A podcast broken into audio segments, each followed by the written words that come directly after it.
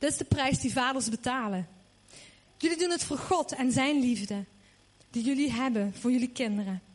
De schatten die jullie van God hebben gekregen. Kinderen die groeien in Gods liefdes. Keuzes die jullie voor hun maken. De moeite die jij doet, brengt een glimlach op Gods gezicht. En je kinderen zullen op een dag jou bedanken voor de moeite en de tijd en de liefde die jij in hem gestopt hebt voor een toekomst. Jullie doen het allemaal op jullie eigen manier. Ga door.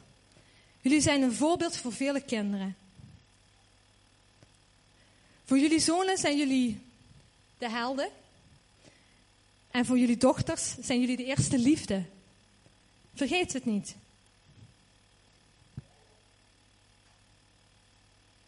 Dat is het.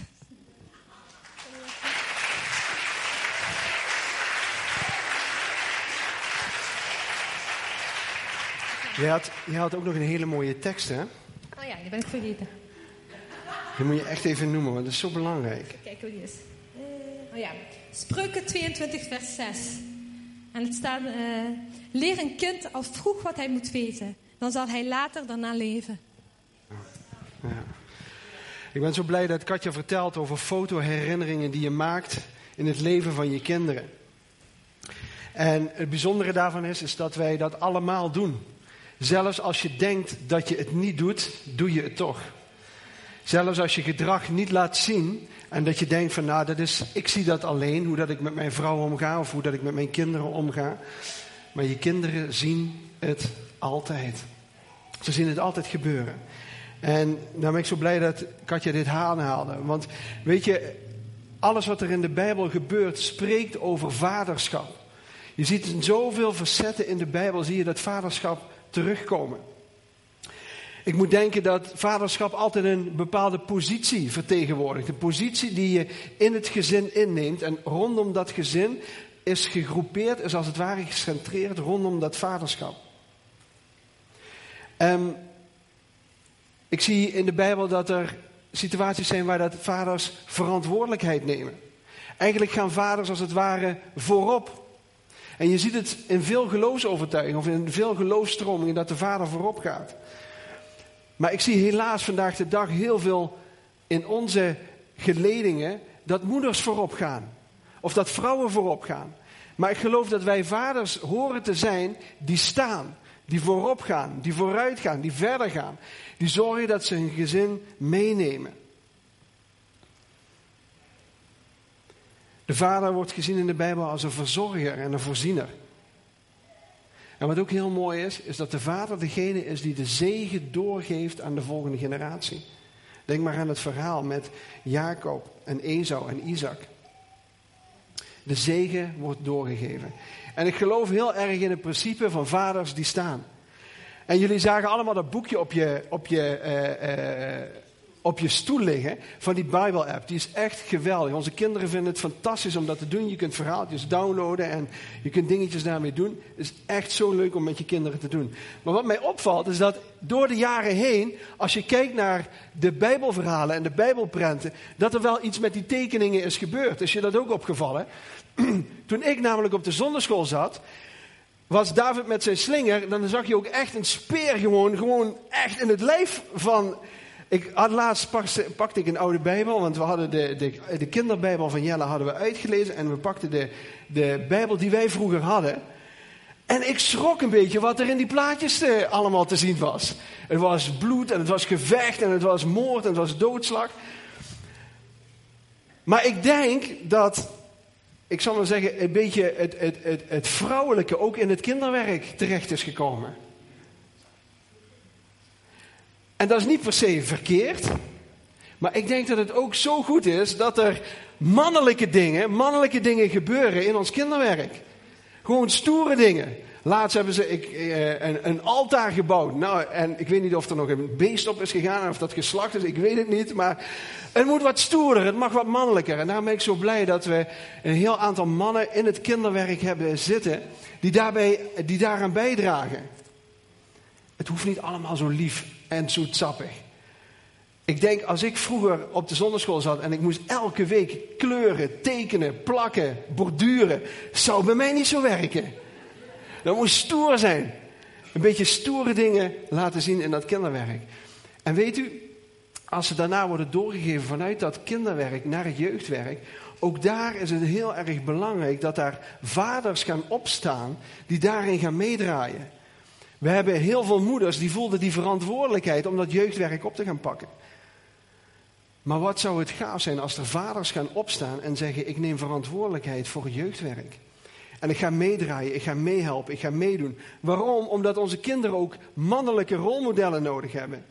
Want ook in de kerk maken ze foto's. Ook in de kerk zien ze als hun vader helpt in het helpcenter. Zien ze als hun vader helpt hier in de kerk. Zien ze als hun vader hier op het podium staat.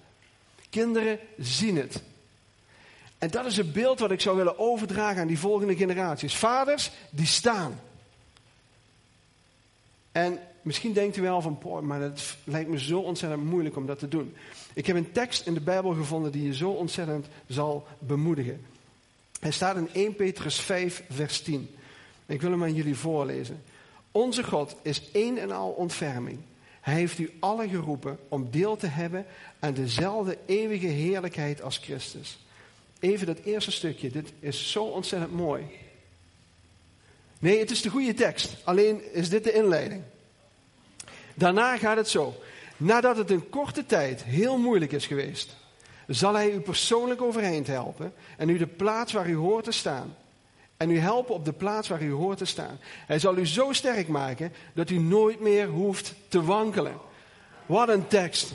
Wat een power zit in die tekst.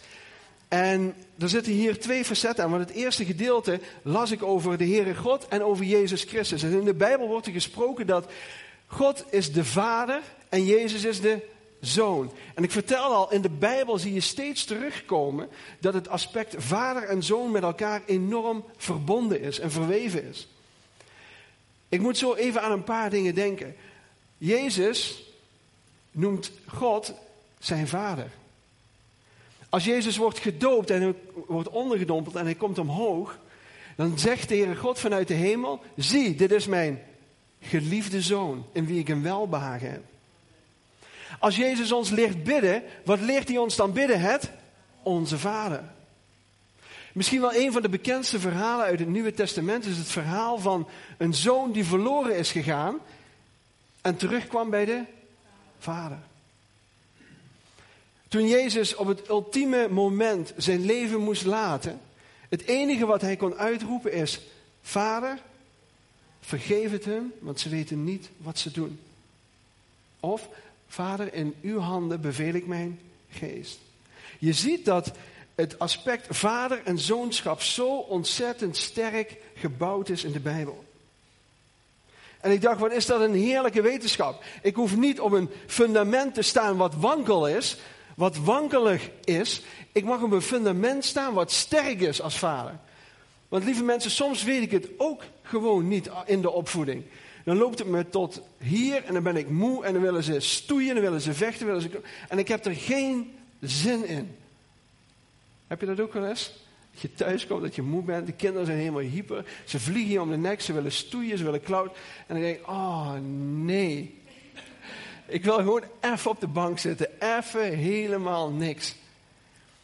En ik merk dat het me soms lukt om het stoeien aan te gaan, maar dat het me ook vaker lukt om het niet te doen. En dan ga ik op de bank zitten en dan ben ik moe en dan lukt het me niet. En dan gaat er die stem in mijn hoofd. Je hebt het laten liggen, je hebt het laten liggen, je hebt het laten liggen. En dan wil ik niet. Dat wil ik niet. En dat betekent niet dat je wel eens tegen je kinderen nee mag zeggen. Maar ik wil zo graag dat kunnen investeren in onze kinderen. En hetzelfde gebeurt als ik s'avonds met de kinderen naar bed toe ga, als ik ze in bed leg. We hebben de gewoonte om voor ze te zingen, voor ze te bidden en ze te zegenen. Zo leggen ze de handen op, we lezen uit de Bijbel, we zingen een liedje. Maar er zijn ook wel eens momenten dat wij ook moe zijn. ja, en dat je er eigenlijk niet zo heel veel zin in hebt. Maar toch lukt me dat beter om me daartoe te zetten dan dat stoeien. Het zal misschien mijn leeftijd zijn. nee, maar zonder gekheid. Ik denk dat dat is een fotomoment voor je kinderen. En Ik heb daarna deze tekst in, het, ehm, in de herziene statenvertaling gelezen. En dan moet ik je eventjes meenemen. Je kunt de dia laten zien. Hij zelf mogen u na een korte tijd van lijden toerusten, bevestigen, versterken en funderen. Maar, maar dat, is een, dat is precies dezelfde tekst. En daar staan deze vier krachtige woorden in. Toerusten, bevestigen, versterken en funderen. Dit vind ik een mannenboodschap. Staan. Om een fundament. Weten dat je toegerust bent. Dat je bekwaam bent. En jullie zijn als mannen bekwaam. Ook al heb je het gevoel. Ik heb het in dingen laten liggen. Het lukt me af en toe gewoon niet. Toch wilt God jou bekwamen in de plek waar dat je bent. En er stond in deze tekst, ook al heb je het een korte tijd moeilijk gehad, ik ga jou op een nieuwe plaats zetten. Ik ga jou funderen. Ik ga jou toerusten. Ik ga jou bekwamen. Ik ga jou versterken. En ik vond het zo'n ontzettend mooie tekst. Dat toerusten betekent eigenlijk, hij voegt zijn wil toe aan jouw wil. En samen mag je je opvoeding van je kinderen vormgeven.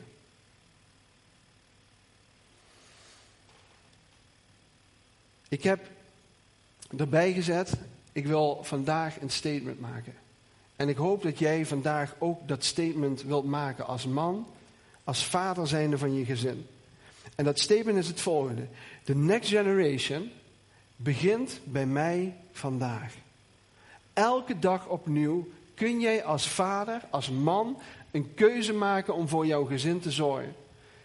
Ik weet de talloze fouten die we daarvoor hebben gedaan. Ik heb ze ook begaan. Ik heb ze ook gemaakt. Maar we kunnen elke dag opnieuw een keuze maken om voor onze kinderen te zorgen en daarin te zijn. Ik moest ook denken aan mijn kindertijd. Ik heb een geweldige kindertijd gehad. Alles kon, alles mocht. Het mocht zo gek zijn als. En een van de fotomomenten die ik mij herinner is dat we hadden een kelder in Stijn. En in die kelder had mijn vader allemaal schappen gezet. En er stond een hele hoop rotzooi.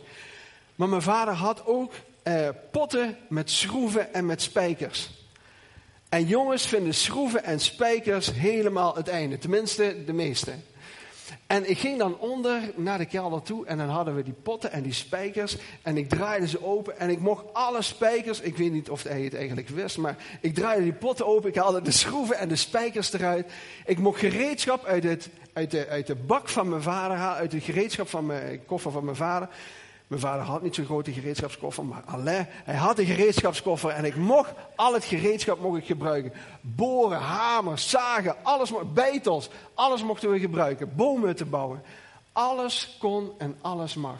En dat is een herinnering die is gegrift in mijn geheugen. Die gaat er niet meer uit. Ook al zou ik het willen, ook al zou ik mijn best ervoor doen, dat gaat er niet meer uit. En dat is de herinnering die mijn ouders aan mij hebben meegegeven. Spelen, alles kan, alles mag. Maak plezier, bouw wat je wil, maak wat je wil. Doe het maar.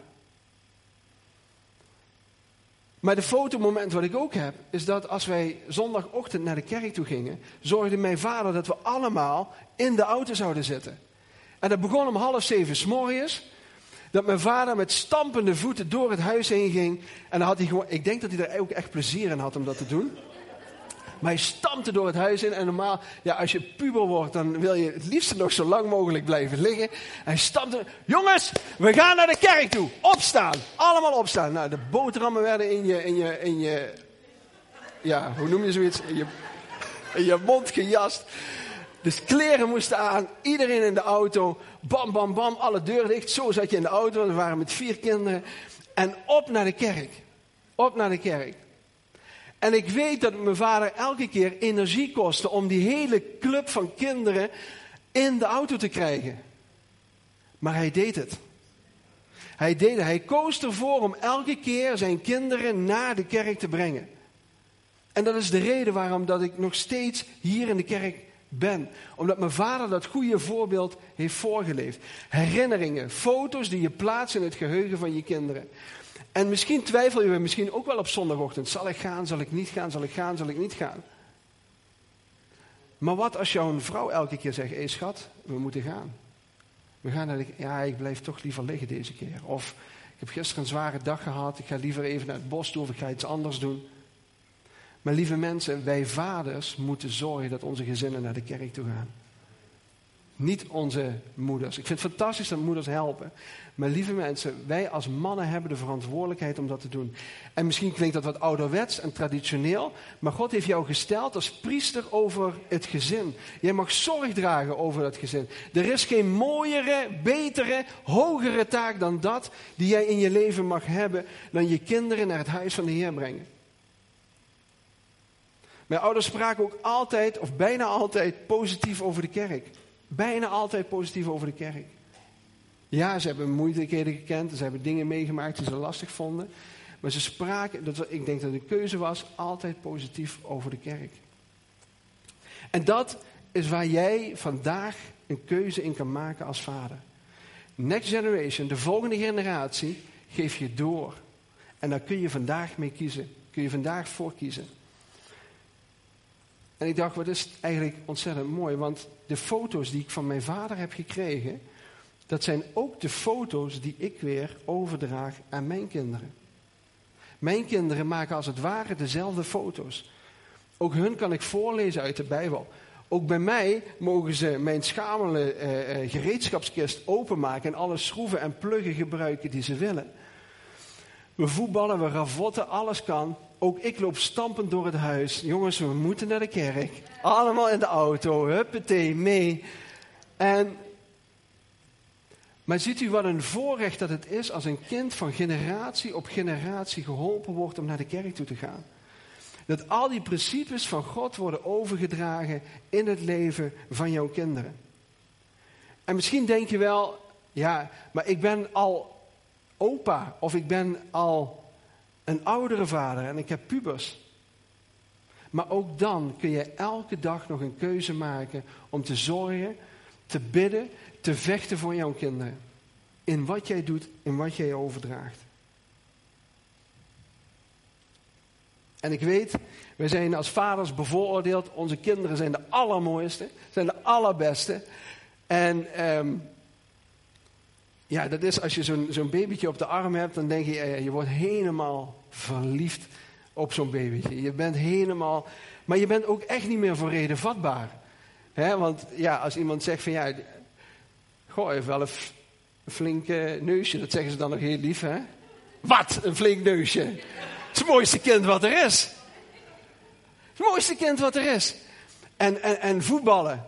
Ja, die andere kinderen, die kunnen er eigenlijk niet zo heel veel van. Maar ja, mijn zoon, als die gaat voetballen, die kan er echt wat van. Je bent zo subjectief als het maar zijn kan. Er is geen lijn op te trekken. Maar weet je hoe dat komt? Dat is vaderlijke liefde. Je wordt als het ware, ja, je hebt alleen maar jouw kind voor ogen en die wil je hoog achter, die wil je sterk maken, die wil je, die zet je op dat voetstuk. En weet u, Volgens mij, als God naar ons kijkt, zit hij met diezelfde idolate gedachten naar jou. Hij is helemaal gek van jou. Hij houdt van je. Hij heeft je lief. Hij heeft je ten diepste lief in wie jij bent en wat jij doet. En ja, sommige dingen lukken niet. En, en misschien maak je ook fouten in je, in je christen zijn. Misschien maak je fouten in je werk. Misschien maak je fouten op verschillende plekken in jouw leven. Maar het beste wat je dan kan doen zijn deze drie dingen. Vraag om vergeving. Ontvang genade. En leef vooruit. Leef niet met het verleden achter je. Maar zorg dat je vraagt om vergeving. Ontvang genade. En leef vooruit. Ik wil gaan afsluiten met een, ehm, met een gebed eigenlijk voor jullie allemaal. En um, ik zat zo te denken aan het, het uh, wat Katja vertelde. Julia en Ilse zijn echt mijn allermooiste prinsessen. En het is wel heel leuk. Um, het is mooi als ze wakker worden. En dan zeg ik tegen, tegen Julia. Julia, het is vanavond weer gebeurd. Hè? Het is vannacht weer gebeurd. Papa. Jawel, ik heb het gezien. Het is weer gebeurd. Vannacht is het weer gebeurd. Jij bent weer mooier geworden.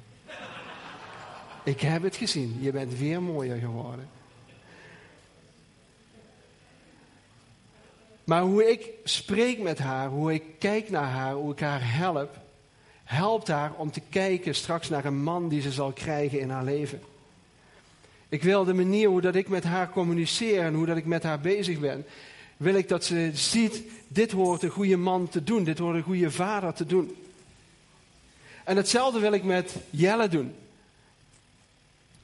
Ook bij hem heb ik allemaal van die onredelijke, weet je wel, waanzinnig. Hij is de sterkste van de klas, weet je wel. Hij, is de, hij kan het mooiste schrijven van iedereen. Ik weet dat het totaal onredelijk is, maar ik wil het pompen in de kinderen. Zodat ze weten dat ze geliefd en gewaardeerd zijn. En dat God ze helpt om tot volle ontplooiing te komen. Ik wil vragen of jullie met mij gaan staan.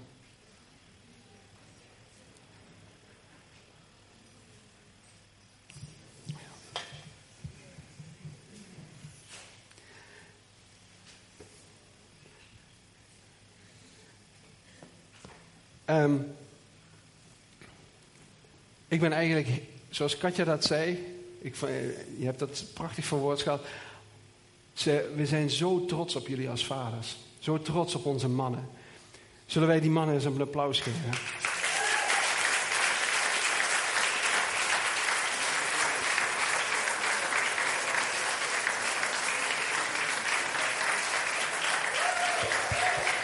Kom op, kom op.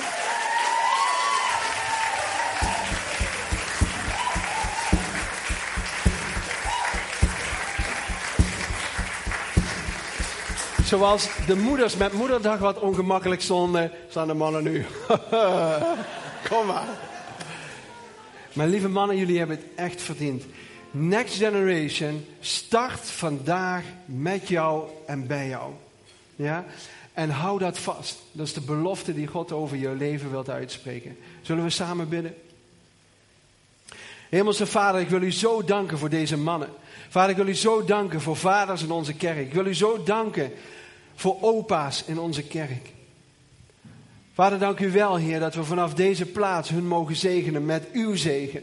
Vader, dank u wel, Heer, dat we gefundeerd, verankerd, toegerust mogen worden in u, Vader.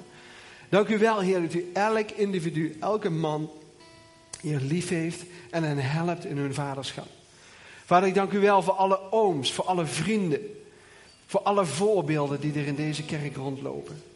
Vader, dank u wel, Heer, voor wat zij laten zien. Maar ook voor wat zij niet laten zien.